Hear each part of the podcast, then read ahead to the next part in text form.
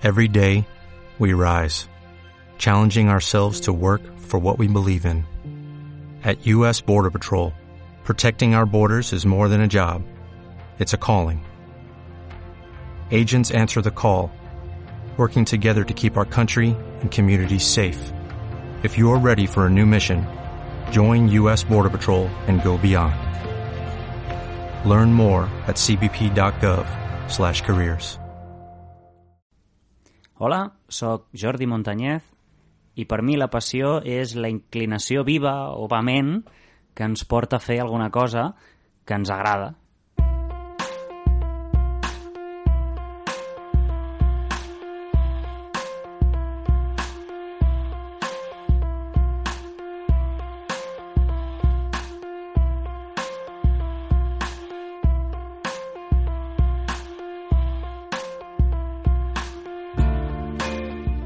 Benvingudes a totes i tots a Temps per Descobrir-nos.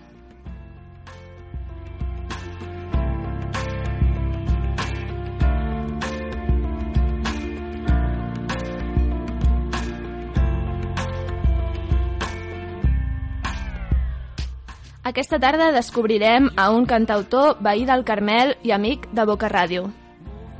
and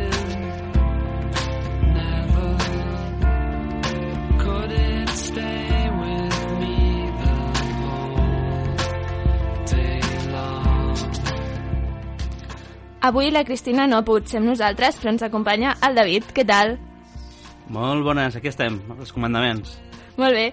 Doncs ja podem presentar el nostre convidat, el Jordi Montañez. Hola, Hola, bona tarda. benvingut i gràcies per haver vingut avui aquí a Boca Ràdio. A vosaltres per convidar-me. Doncs bé, ens podries explicar una mica eh, què t'agrada explicar a les teves cançons? Uh, jo sempre, o sigui, com que és una pregunta recurrent a les entrevistes, al final uh, he reflexionat molt al respecte, no?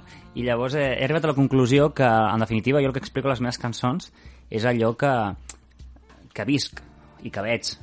Mm, I, evidentment, en la meva vida doncs, intervenen moltes coses, des de la part més passional, eh, vitalment parlant, però també, eh, és a dir, m'enamoro, em desenamoro, em, fa, em fan ràbia coses, em odio coses, vull dir, m'engresquen coses, i per tant tot això ho plasmo a les cançons.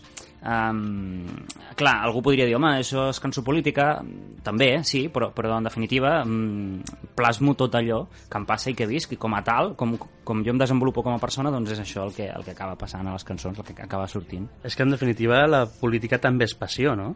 Sobretot. O, clar. bueno, o almenys, eh, bueno, això seria difícil, no? Però almenys eh, jo els polítics i les polítiques que, que respecto són apassionades, són gent que, que té les coses, diguem-ne, amb ideologia darrere.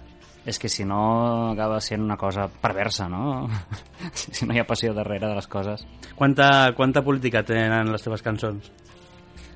100%, vull dir, perquè en definitiva una cançó d'amor també és política, no? Perquè la forma en com t'enamores, la forma en com et relaciones amb les altres persones també és política, és, un, és una opció o una altra i n'hi ha moltes, i algunes, doncs, precisament són perjudicials per la salut, vull dir que imagina't, no? Doncs què us sembla si comencem escoltant una de les teves cançons? Podem començar amb Anòxia, que és la cançó que dona, que és el, que dona el nom al títol del teu últim CD, no?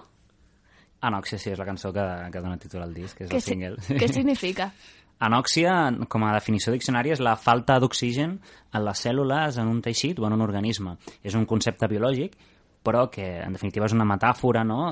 Que fa referència a l'asfíxia, a l'asfíxia quotidiana en tots els nostres aspectes de la vida.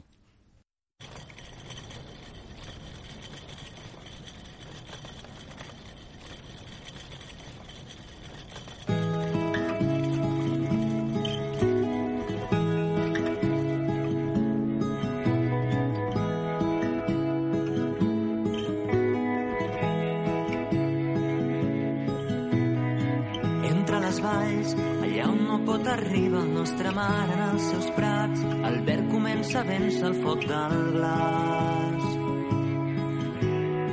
Trenquen els plans, els pins forcegen contra els temporals i en el desglàs els líquens resisteixen cooperant. Passant avall, l'anòxia no ens permet ni respirar. Eutrofitzats, El capital devora tot l'oxigen dels humans sense pietat on tot es ven i es pot comprar. No hem escoltat el vell consell dels llacs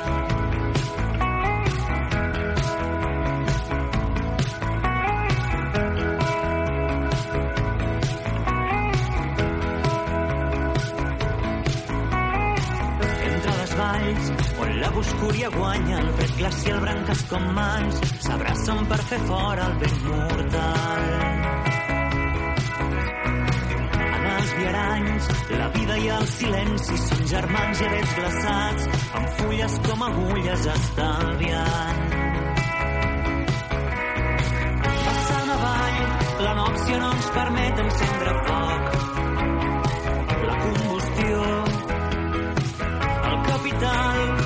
esgota tot l'oxigen de la vall i revolucions. L'accés ofega el nostre cant. No hem escoltat el vell consell dels llacs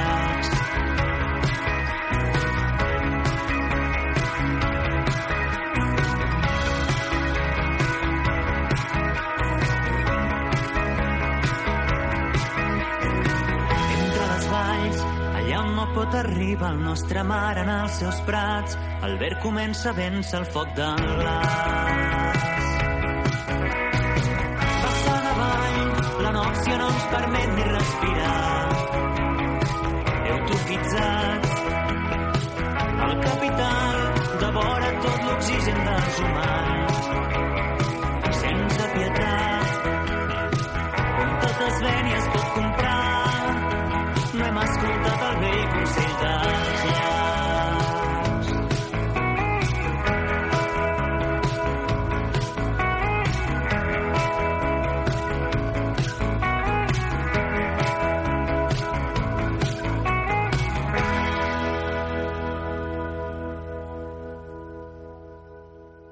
La gira d'aquest CD t'ha portat a Hongria, no? Sí, sí, sí. I què tal per allà? Home, eh, és una experiència molt, molt, molt xula, molt, molt, molt curiosa, sobretot, perquè mm, suposo que els que cantem en català partim sempre una mica des d'una mica d'auto... Com ho diríem? D'auto... No surt la paraula ara, de... Autocensura, no puc no, anar a Hongria. autocensura no, però auto... mm, ai, menys, una mica de menysteniment, com uh -huh. de, home, és que què he d'anar a cantar jo allà a Hongria, home, en català, una llengua minu petita i amb les meves cançonetes, uh -huh. i al revés, no? Vull dir, trobes una gent eh, que no tenen cap problema mm, lingüístic, al revés, la seva llengua també és una llengua petita i un- una llengua en certs moments minoritzada, per tant empatitzen molt i, i ja al marge de, de la llengua els xifla tot el, o sigui, tot el concepte mm, llatí, no? I tots els taraners llatins de, des de, amb tota la gamma, no? I, per, i per, per ells nosaltres també so, entrem en aquesta gamma de llatins que vivim les coses amb una passió, no? Amb, cer- amb una passió que ells ho veuen com una cosa ultrapositiva i que jo també els vaig dir, home, està molt bé, però també comporta coses negatives, vull dir que no és que siguin millors que vosaltres, perquè aquesta passió també a vegades desbocada i no canalitzada també mm, provoca excessos i provoca, vull dir que, però en tot cas amb això al·lucinen. Llavors, veure una persona amb les seves cançons, compartint-les allà, mm, explicant-les mínimament amb una, amb una mica en anglès i, i vivint la, la, la música i el que canta, doncs els va xiflar independentment de la llengua, no? Sí que és veritat que una part important del públic eren gent de, de l'àmbit acadèmic, estudiants de català, estudiants de, de, de romàniques, etc i per tant hi havia un cert interès lingüístic, però més de la meitat de la gent, per exemple, de, de Seguet, que és un dels llocs on vaig tocar, que és una ciutat al sud, molt a prop de la frontera amb Romania, doncs la, més de la meitat no eren de l'àmbit acadèmic, eren gent pròpiament veïns de la zona i bueno, estaven encantats, estaven flipant i clar, és, és que no, vull dir, jo, jo, jo ho deia hi ha més gent aquí a Seguet que a certs concerts que he fet a Barcelona o a Catalunya, no? I bé, doncs molt, molt guai en aquest sentit, de veure que realment les cançons, vull dir que la música real- realment és un llenguatge universal, no? I que, i que, i que no, no, no importen les barreres lingüístiques si el que es tracta és d'expressar un, unes cançons, no? I això va ser molt positiu. A més a més, també vaig fer uns tallers sobre la nova cançó catalana a les universitats, però bueno, és una cosa que també és interessant perquè, clar, fas un taller per a unes persones que estan aprenent, estudiant català a Seguet, a Budapest, i dius, déu nhi què estan fent aquí aquesta gent estudiant català, no? Però, però hi són, hi són. I aquest taller de la nova cançó també la vas fer amb estudiants d'Erasmus aquí a Barcelona, no? Sí, normalment cada any el faig per estudiants d'intercanvi lingüístic, d'Erasmus, etc que estan, no Erasmus, sinó gent que, que és de, diguem-ne, de, de, del cicle superior, eh? gent de màster, gent de doctorats, i alguns Erasmus que estan fent una estada lingüística o estan estudiant català i tal, però aquesta vegada era al revés, era jo qui, mana, qui anava a les facultats a fer-ho. Estava, estava pensant, eh, quan has dit això de llengua minoritzada, m'ha fet recordar, eh, fa poquet vam fer un taller a, Boca Ràdio sobre, sobre perspectiva de gènere i tal, i comunicació, i la, la facilitadora, la Joana, parlava de països enriquits i empobrits. I això, aquesta paraula que has utilitzat, llengua minoritzada, m'ha fet pensar mm, bueno, justament en això, no? de que no una llengua per ser parlada per menys persones o per, o per representar, diguem-ne, un, un espai de terra més petit no és no ha de ser menor, no? Per tant, és minoritzada en el sentit polític. Eh, com a cantant en català, mm, és, és, també, és també activisme, cantar en català? Sí, totalment. Vull dir, jo ho veig així. Uh, hi ha molta gent que pensa que la música en català està normalitzada, però això és mentida. Vull dir, està bastant normalitzada, mm, però en una part. Vull dir, al Principat de Catalunya, per exemple, el que és la comunitat autònoma de Catalunya, sí que hi ha una certa normalitat i ja no és estrany que la gent canti en català, però què passa al País Valencià? Què passa a les Illes Balears? Què passa, per exemple, a la Catalunya Nord, etc. Vull dir, allà, allà vull dir, és, és, és un acte polític, pròpiament dit. Aquí això ja s'ha superat, però a la vegada hi ha certes coses, vull dir, quants programes tenim de música en català, quantes mm, cadenes que facin programes de música en català existeix, vull dir, quin és l'espai que ocupa la, la música en català. No deixa de ser una quota a vegades imposada políticament a les ràdios, vull dir que això demostra que alguna cosa falla, no? I, a- i a més a més, la música feta en català, vull dir, els grups que, diguem-ne, més, eh, més, ho més, èxit, més èxit tenen, Anaves a dir ho estan patant, no? o, est, o estan, es pot dir a la ràdio això? Es pot dir a la ràdio, es pot dir a, a, a Almenys Boca Ràdio sí. especialment. Els grups que més ho peten, eh, vull dir, són gent que estan tenint uns sous, vull dir, molt normalets, vull dir, per, per, per entendre'ns, no?, que... Uh Vull dir que si hi ha 14 milions de persones que parlen català i, i tot el món que pot escoltar aquesta música són gent que estan vivint d'una forma precària, mm, músics precaris i són els que més èxit tenen, vull dir, això demostra no? que, que no, no, no s'han generat les facilitats, vull dir, aquí hi ha un indici, no? Igual, eh, també en aquesta línia, bueno, una mica diferent, però pensant també en, en Hongria, eh, el, el que has comentat, la teva experiència, estava pensant, jo el dia que vaig veure i sentir la cançó de Nòxia, eh, va flipar molt, m'agrada moltíssim, i també el videoclip, que va de la mà, no?, una mica, i si vols ens parles també una mica d'això del videoclip, i jo pensava, ostres, el Jordi que ha estat aquí a concerts de, de Boca Ràdio, eh, surt amb guitarra, el tio. Vull dir, està allà amb una guitarra i després, clar, hi ha uns arranjaments, ho he dit bé, arranjaments? Mm. He buscat sí, la paraula al Google. no, en sèrio, hi ha uns, uns arranjaments que, que fan que la cançó, doncs, no és que sigui millor ni pitjor, que tingui una altra cosa, una altra forma, una altra... està vestida d'una altra manera. Com, com vius aquesta, aquesta polarització de el meu tema al YouTube amb aquest videoclip brutal sona així i després jo la defenso en un escenari amb una guitarra i no sona igual? Sona diferent. Mm. Clar, és que per mi són coses diferents, no? Una cosa és el, un concert i una altra cosa és un disc. Jo considero que mm, a mi m'agrada que les cançons tinguin un missatge o expressen una idea, un concepte, mm, i a més a més amb un contingut reivindicatiu. O sigui, m'interessa això, m'interessa fer-ho així, però també entenc que si el que vull és que la gent mm, reflexioni al voltant d'aquest concepte, eh, el que he de fer és també que sigui agradable i que entri primer, o sigui, allò que dius, el menjar primer entra per la vista, no? Doncs igual, la, la música primer entra per les orelles.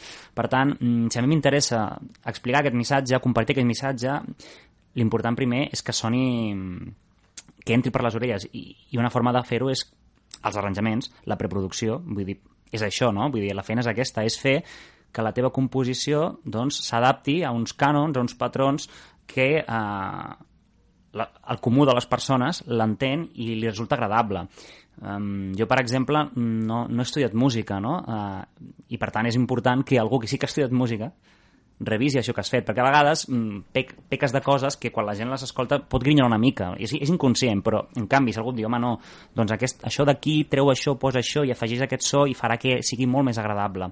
El procés és aquest. A més a més, amb els arranjaments afegim instruments, afegim capes, capes, capes d'instrument com tu dius, però per mi no, no és cap problema. Jo presento una cosa, que és un disc, amb unes sonoritats que hem volgut treballar amb en Pau Romero, que és el productor, i, i, i hem fet aquesta cosa, i després hi ha els meus concerts. Vull dir que mm, no... Cap problema. Vull dir, m'agrada ensenyar la preproducció i els arranjaments perquè crec que fa créixer els temes i, i dona una, una, una perspectiva diferent, que no la guitarra i la veu, que està molt, molt bé per un directe, però clar, un disc és una cosa ja més, no? més calmada. Em feia pensar, eh, Judit, ara estic parlant massa, eh, però jo, No, no, jo lo mío. endavant. Em feia pensar, jo sóc molt fan, espero que, que, no, que no et molesti la comparació. Bueno, no és comparació tampoc. Jo sóc molt fan de, d'Ismael Serrano, bueno, que creo que es uno de los grandes cantautores de, de, de, esta, de esta època, per a mi. I sí que és veritat que el que té és que els discos té molts, molts arranjaments, però quan ell fa els concerts té tota una banda genial de músics, vull dir que no són ara cojo esta banda, no, no, són els que li acompanyen sempre i canvien molt els temes, els dels discs i el del directe i també tenen molts, molts arranjaments. Veurem en, en Jordi Montañez fent, fent aquest tipus de concerts amb altres músics amb arranjaments una mica alternatius alguna vegada? Home, jo faig molts concerts a duet i a trio també alguns i aquí sí que són arranjaments a partir del disc tornem a fer uns arranjaments i vaig molt amb en Pau Romero que és el productor ne- anem a duet, llavors és un espectacle concret o si no també a vegades anem a trio amb una guitarra elèctrica que va creant unes atmosferes que recorden una mica doncs, aquests, re, aquestes reverbs, aquests delays, aquests xoros del disc llavors anem a fent aquests diferents formats home, algun dia estaria bé fer un banda sencera alguna vegada ho hem fet amb el segon disc, però clar, aquí també hi ha un tema econòmic darrere, eh? Clar. vull dir que mm, està molt fotut el tema dels concerts, i si ets un cantautor, no? que sempre et poden portar a guitarra, veu o a Mm. duet, doncs pa, per què t'han de pagar per una banda sencera, no? Vull dir que, clar, també hi ha això, no? Llavors en un festival prefereixen pagar la banda sencera d'algú que no pot anar sol i el cantautor ja que vingui sol, no? Farem, Vull farem dir- caixeta a Boca Ràdio per un dia. Per últim, parlant, bueno, per últim, una, una cosa que s'ha quedat penjada. Parlem del videoclip d'aquest d'Anòxia, que sé que, Mm. que té feina al darrere. Home, és un, és, una, és, un, o sigui, és un currasso que es va fer la gent de, de Clac Produccions, que són una cooperativa audiovisual de Mataró, i concretament el director, l'Eloi Aymeric, eh, que són molt amics, i bueno, jo penso que va fer una feina brutal, vull dir, vam, vam fer un parell de reunions, li vaig explicar una mica de què anava la cançó, de què anava el disc, Li vas cantar allà en directe? Sí, bueno, Ostres. ell, ell anava amb l'MP3 allà, Ah, vale, vale. com una mena de Jenny Boig, escoltant-me i parlant amb mi, escoltant el, el tema a la vegada, com una mena de Jenny Boig. Llavors jo sí que li vaig dir unes línies vermelles, ara que està tan de moda parlar de línies ver, ver, Sí, sí, vermelles sí. políticament parlant, doncs jo li vaig posar unes línies vermelles, mira, no, jo no vull això, no vull això, no vull això, perquè en definitiva és la meva imatge. Per tant, a partir d'aquí, ell va deixar volar la imaginació, va parlar amb l'equip i, i bueno, va, van fer una cosa espectacular que lliga moltíssim amb tot el tema del disc, amb la idea del disc i va, va trucar a, la, a qui em va fer el disseny de la portada i, la, i li va dir, doncs vull que em facis de directora artística del videoclip. Llavors li va acabar de donar tot un, tot un sentit del videoclip amb molts elements que també apareixen en, en, en la portada, que apareixen en el llibret i que relacionen amb altres cançons. Ens diries una d'aquestes línies vermelles? Línies vermelles. Una d'aquesta que vas posar, que vas dir, això no vull que surti. Mm, bueno, no, no sé, bueno. Sí, bueno, a veure, el tema era que jo li vaig dir que jo no volia que això fos una, una història d'amor, vull dir, vull dir, llavors mm, sí que m'a- m'agradava la idea del videoclip, que, que, que hi haguessin dues persones, però jo volia que això fos ambigu, vull dir, que fos la, la gent que hagi de decidir quina mena de relació hi ha, vull dir, no, no volia anar al tòpic d'una relació de parella típica i tòpica, vull dir, per exemple, eh, o, Mhm. o, o coses així. Un, una altra línia ver, vermella era que jo no volia aparèixer tocant la guitarra, per exemple. Ja. Llavors, si t'hi fix, fixes, hi ha un moment que la toca, però és la- l'actriu, i és un moment de res. veritat. Vull dir, perquè tampoc volia. Vull dir, aquest tipus de tonteries, eh? Vull dir, No, no, molt bé, de, molt bé. De tallets que no canvien la, el sentit del videoclip, en tot cas, vull dir. Mhm. Molt interessant. Eh, I aquest Anòxia també t'ha portat al Harlem Jazz, no? Dins del Festival del Bernassans. Què Mm. tal, com va anar? Va ser un concert molt xulo, va ser, bueno, de fet fa, fa res, eh? Fa, vull dir, va ser un any després de publicar el disc, vull dir, vam estrenar el disc a l'Albereda, al un centre cultural, llavors al cap d'un any, amb el Bernat Sans vam dir, "Home, doncs aquesta vegada l'Anòxia, en comptes de presentar-ho en un lloc més sobri, com un centre cultural, amb butaques i tal, portem-lo en un, en un, en un bar, en, però de música en directe, un bar típic de la ciutat, no el típic, sinó un bar típic de música en directe. I va ser molt encertat, molt encertat, perquè a vegades el, els, els patis de, de butaques tenen un punt d'amplitud i de fredor i de distància que el, en un bar un bar on la gent ve a escoltar mm, i amb tauletes i la gent pren una cosa la gent és, era molt més propera a l'escenari estava menjant-se l'espectador i va crear un clima xulíssim vull dir, va ser, jo crec que és dels millors concerts que, que, que a més vaig anar amb Pau Romero amb el duet, que hem fet darrerament molt millor que el de presentació tot i, mm, tot i que la sala era una sala més sobre i tal, eh? però clar, en llocs així càlids on la gent s'agrupa i es crea una calidesa, és brutal. Us contaré una anècdota, ja sé que no és mi espacio, però bueno. sí. jo vaig estar a un concert, el primer que vaig anar, d'Ismael Serrano, que ja li he anomenat abans. T'agrada, eh? Sí, m'agrada molt. Al Teatre Nacional, si no, si no erro, no, a l'auditori, a l'auditori d'allà que està al costat del teatre, eh, i al tercer bis, porque el tío no se iba, que yo decía, Ismael, que queremos cenar. El tío, el tío feia un altre bis i un altre bis, i el tercer bis ja va ser, bueno, pues sortim a ballar. I vam ballar allà al mig, jo i un, bueno, i un, una amiga, eh, allà al mig de sols, i ple de gent sentada, i va ser molt maco. Per tant, si un dia aconsegueixes això també val la pena, eh? O sigui, vull dir, aquest tipus de bar que comentes, que has dit molt bé, que van escoltar, perquè Sí, de sí, vegades sí, pot sí. ser un follon, no?, allò de... Sí, no, no, no. Bueno, però bueno, si van escoltar i tal, eh, sí, sí, és, és molt millor eh, aquesta cosa propera brutal. Doncs, bueno, ja que estem amb anècdotes, eh, jo quan et, et vaig conèixer el dia que vas tocar amb Pau Alabajos aquí, al mateix Boca Nord, Sí, fa... Te'n recordes? Sí, tant, fa temps, eh, per això, però... sí, fa però... bastant de temps. Eh, I bueno, et volia eh, preguntar per la relació entre els altres eh, músics, entre els altres cantautors. Vull dir, suposo que, bueno, com que comentàvem abans, doncs el català, doncs, eh, doncs bueno, eh, doncs que hi ha menys músics i menys eh, gent que s'hi dedica, suposo que per això també us coneixeu més entre vosaltres, no? Sí, home, ah, sí. Mm, ràpidament, si et mous una mica, acabes coincidint o coneixent una mica a tothom que s'està movent en el panorama musical català. I si a sobre són cantautors o cantautores, i si a sobre aquests cantautors i cantautores fan cançons que tenen cert contingut social, que, que es mouen a vegades en concerts, per exemple, per actes culturals o actes reivindicatius o protestes, doncs clar, al final ja la coincidència és immediata i és innegable, no? I això també crea unes sinergies, no? Quan trobes algú que, a part de cantar en català, a part de ser cantautor, també entén la música, les cançons com les entens tu, com, com petites barricades, no? com, petit, com petites trinxeres culturals per combatre doncs, tot allò que no ens agrada, per canviar les coses, en definitiva, doncs clar, crees unes sinergies molt bones i com que en definitiva estem per canviar el sistema i no volem repetir, reproduir-lo, també entres en una xarxa de cooperació i de, i de solidaritat molt xula, no? En la qual intercanvies experiències i on la competitivitat s'intenta reduir, perquè en definitiva vull dir, estem al món que estem i som competitius tots i totes, però intentes reduir-la i és, i és superbonic no? veure companys de feina que en comptes de competir intentem cooperar per, per fer coses. No sé, David, si vols afegir alguna altra cosa. Jo tinc una pregunta, no sé si quasi és una pregunta del qüestionari que vindrà d'aquí poquet. Bueno, pots jo, avançar-la, jo la faig igualment. Ara, ara abans que el, que, el, que en Jordi toqui, eh, perquè té aquí la, la guitarra, que la- l'acaba de portar del luthier. Sí. No? Abans, de abans de que toqui estàvem parlant de salletes, estàvem parlant de pues i tal, i jo m'estaven recordant eh, de- d'una pàgina que jo uso mucho, que és la cuerda.net, perquè clar, jo em fico allà i busco acordes sencillos para, para ver si aprendo a tocar alguna cosa. I estava pensant, Jordi, si tu fessis ara un cançoner, què seria? Així amb lletres molt senzilles o se- seria realment d'aquell- d'aquelles pàgines que trobes amb el punteo, amb acords supercomplicats? O sigui, has dit, si jo fes... Si tu fas un cançoner ara mateix dels teus temes, sí. o sigui, ara, ten, David, un cancioner perquè aprendes a tocar algo, chato. Sí. I, i jo, i jo l'obro, què, què em trobaria? Em trobaria unes cançons senzilles o realment hi hauria allà una complicació, tal com has dit, eh, que no has estudiat música, però que has, has tingut un, unes persones properes que sí, que, com serien, com són de, complica, de complexes musicalment parlant aquestes cançons? Què veuria jo aquell cançoner?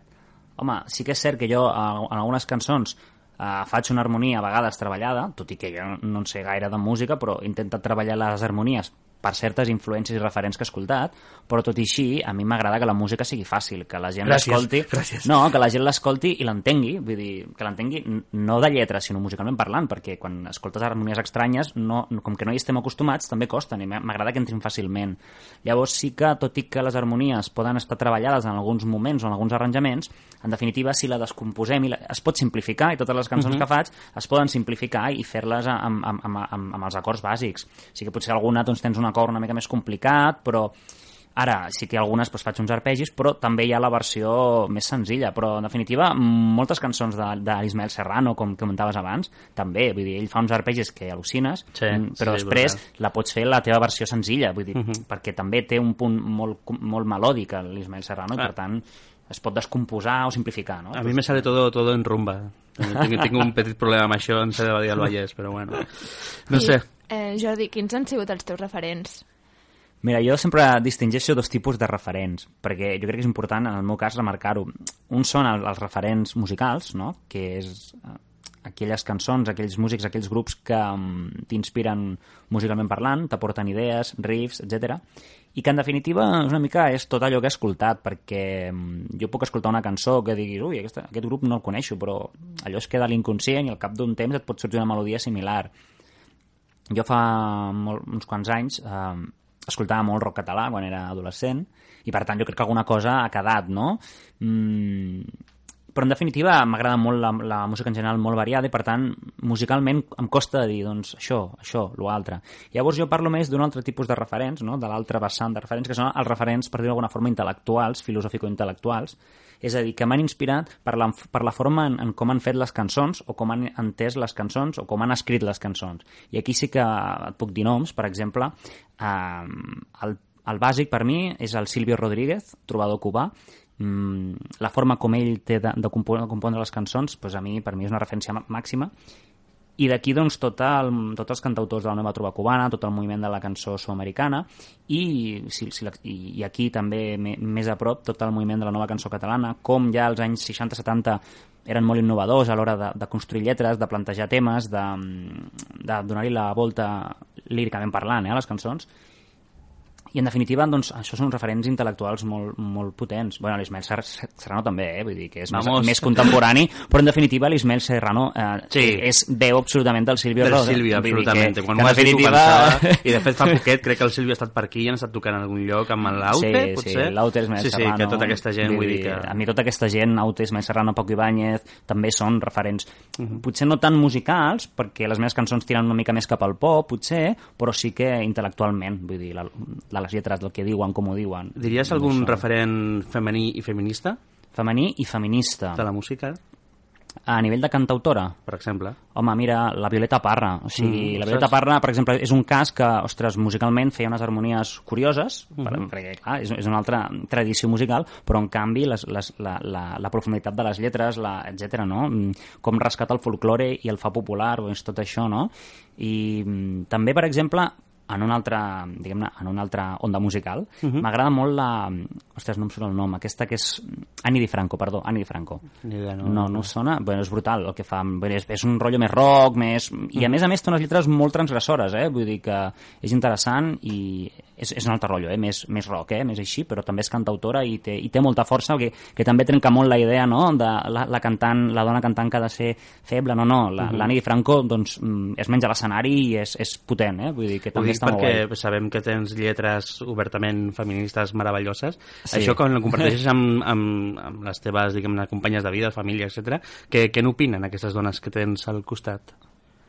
Home, doncs el, els, jo penso que els fa il·lusió, no?, que, uh -huh. que, que, que algú faci una cançó feminista. La meva voluntat tampoc és eclipsar-la, eclipsar-la però en No, no. definitiva, vull dir, jo, diguem-ne, des de- des d'assumir els privilegis masculins, no?, intentar, doncs, aprofitar els altaveus que tinc uh -huh. i que com a home encara els tinc més, doncs, per intentar capgirar la situació, llavors aportar una mica el meu granet de sorra.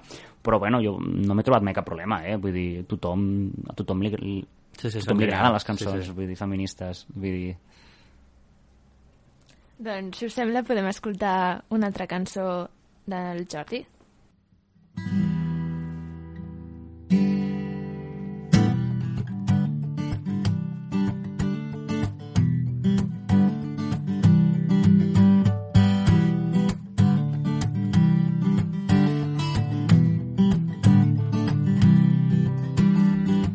D'aquesta terra on he nascut, he crescut, he après a estimar.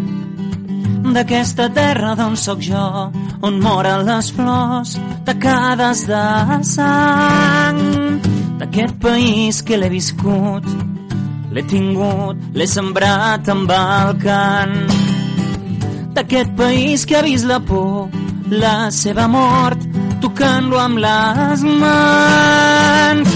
Un país fet d'amors, un país fet de cors, amb una aquells que vulguin terra i bateguen de lluita i d'amor i bateguen de lluita i d'amor i bateguen per canviar-ho tot.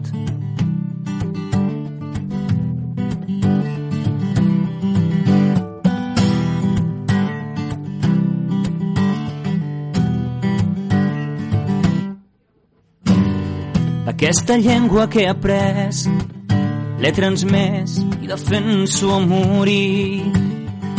D'aquesta llengua que és el tronc vertebrador, aquest far de nit. D'aquesta terra sense res, que tot li han pres, i també els d'aquí. D'aquesta terra que no vol tornar a l'error, obre't camí. Un país que ho vol tot, un país fet de molts, amunt els damnats de la terra i bategant de lluita i d'amor i bategant de lluita i d'amor i bategant per canviar-ho tot. No pidolarem mai. Tot allò que ens pertany, no desterrarem mai. Els somnis ni els cants, anels de companyes, justícia social. I bategant de lluita i d'amor, i bategant de lluita d'amor, i bategant per canviar-ho tot i bategant de lluita i d'amor i bategant de lluita i d'amor i bategant perquè ho canviarem tot.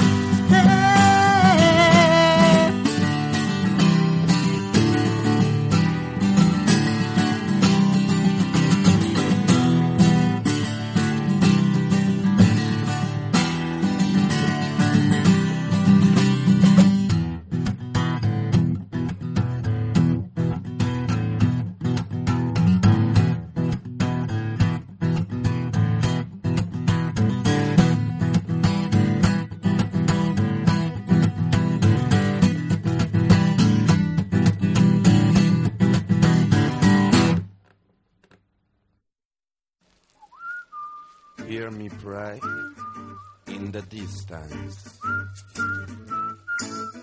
Beating strong. Hear me say in the silence.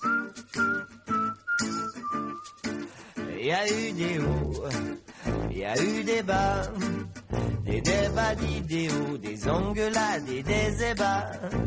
Si tu veux t'en aller, je ne t'en voudrais pas. Pas dit que je voulais, mais à demi-mot, mais à culpa. Des faux pas parfois, des aveux, qu'est-ce qu'il en restera? Si tu veux t'en aller, va-t'en, je ne t'en voudrais pas. Un sourire, un je t'aime, t'en fais pas pour moi. Y a des fois où mon cœur de pleurer pour toi. Y a des fois où mon cœur se noie. Y a des fois toi mon cœur, je te laisserai là jusqu'à la prochaine fois. Jusqu'à la prochaine fois. Y a des fois où mon cœur bat, bat très fort. Doncs entrem al qüestionari, aquestes preguntes que fem a tots els nostres convidats. I la primera pregunta és, en un futur, què t'agradaria ser? M'agradaria ser músic. Sí, vull dir, és, és evident. No ho canviaria. Què t'agrada observar? M'agrada observar què diu la gent, com es comporta la gent, no?, en, en, en general. Vull dir, què diuen, com es comporten, com es relacionen entre si. Una mica, això m'agrada. No és boyerisme, eh? Vull dir, no, no, deixem-ho clar, no. És les relacions, com la gent es relaciona en el món i amb les persones. Un defecte personal? Ostres, un defecte personal. Uh, potser la impaciència. I una paraula? Mm, passió. Molt bé, molt bé. un somni?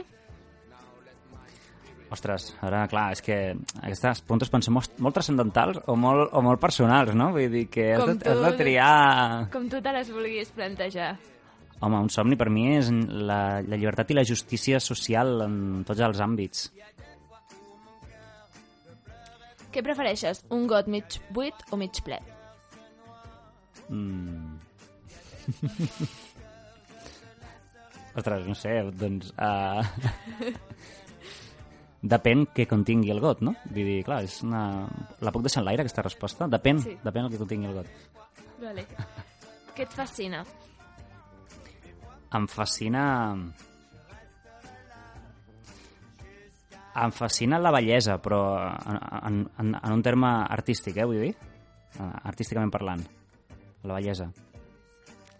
Quin personatge del passat o de l'actualitat t'agradaria conèixer? M'hagués agradat molt conèixer el Che Guevara. I una pregunta que t'agradaria saber la resposta? Ostres. Sí, mira, uh, sí, sí, sí. Aquesta, a més, és una cosa que dono moltes voltes. M'agradaria saber la resposta a la pregunta de què hi fem aquí, però no, o sigui, no els humans, sinó què, què fa aquí l'univers, les partícules, vull dir, l'existència en si mateix de totes les coses que existeixen, de la matèria, no? Vull dir, per què hi ha matèria en comptes de no haver-hi matèria, no? Quin és el sentit d'això?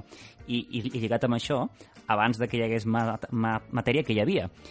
I si la resposta és com es planteja, que sempre hi ha hagut matèria i que no hi ha ni principi ni final, llavors, vull dir, clar, és, és el tema del començament de les coses, vull dir que és una cosa com molt que està al nostre ment, però vull dir, una, una mica respondre a aquestes coses, no? Així, uh, astrofísiques. Doncs, bueno, ja ens apropem al final d'aquest programa. David, no sé si se t'acudeix alguna pregunta més. Uf, no, es que claro, es que esto ya era muy denso, eh? Um, Però m'ha agradat, eh, aquest punt metafísic que, que has lluït ara mateix. Eh, molt bé, molt bé. No, però, de fet, m'enquimera. O sigui, que, és, que, vull dir, que no és una pregunta per dir, és una cosa que hi dono moltes voltes sovint, això, eh? Vull dir Ahà. que, que em passo estona pensant, però clar, tampoc tinc cap resposta i no existeix i, per tant, encara em ratlla més, no? Vull dir que... Però clar, i potser, i potser la trobes i d'aquí 100 anys, mira el que pensava aquell. Saps? Vull dir que no... Oh, i, no I no crec que la, que la trobin en 100 no en anys, eh, la resposta. No, no, no. No, no tinc més preguntes, Mm. Judit. Doncs la última pregunta del qüestionari és que ens diguis una cançó, que és la que posarem a continuació. No he gosat dir mai t'estimo. No,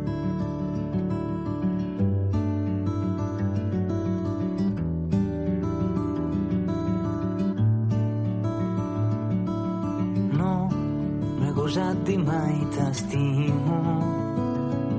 Per si l'aire trenca la fragilitat dels mots o s'endú per sempre allò que admiro i es perden els sons i el color d'aquest amor. No, no vendré la meva vida Amor comprat no és lliure de la mort. I és que així ens sentim més dignes sense històries que subratllin el meu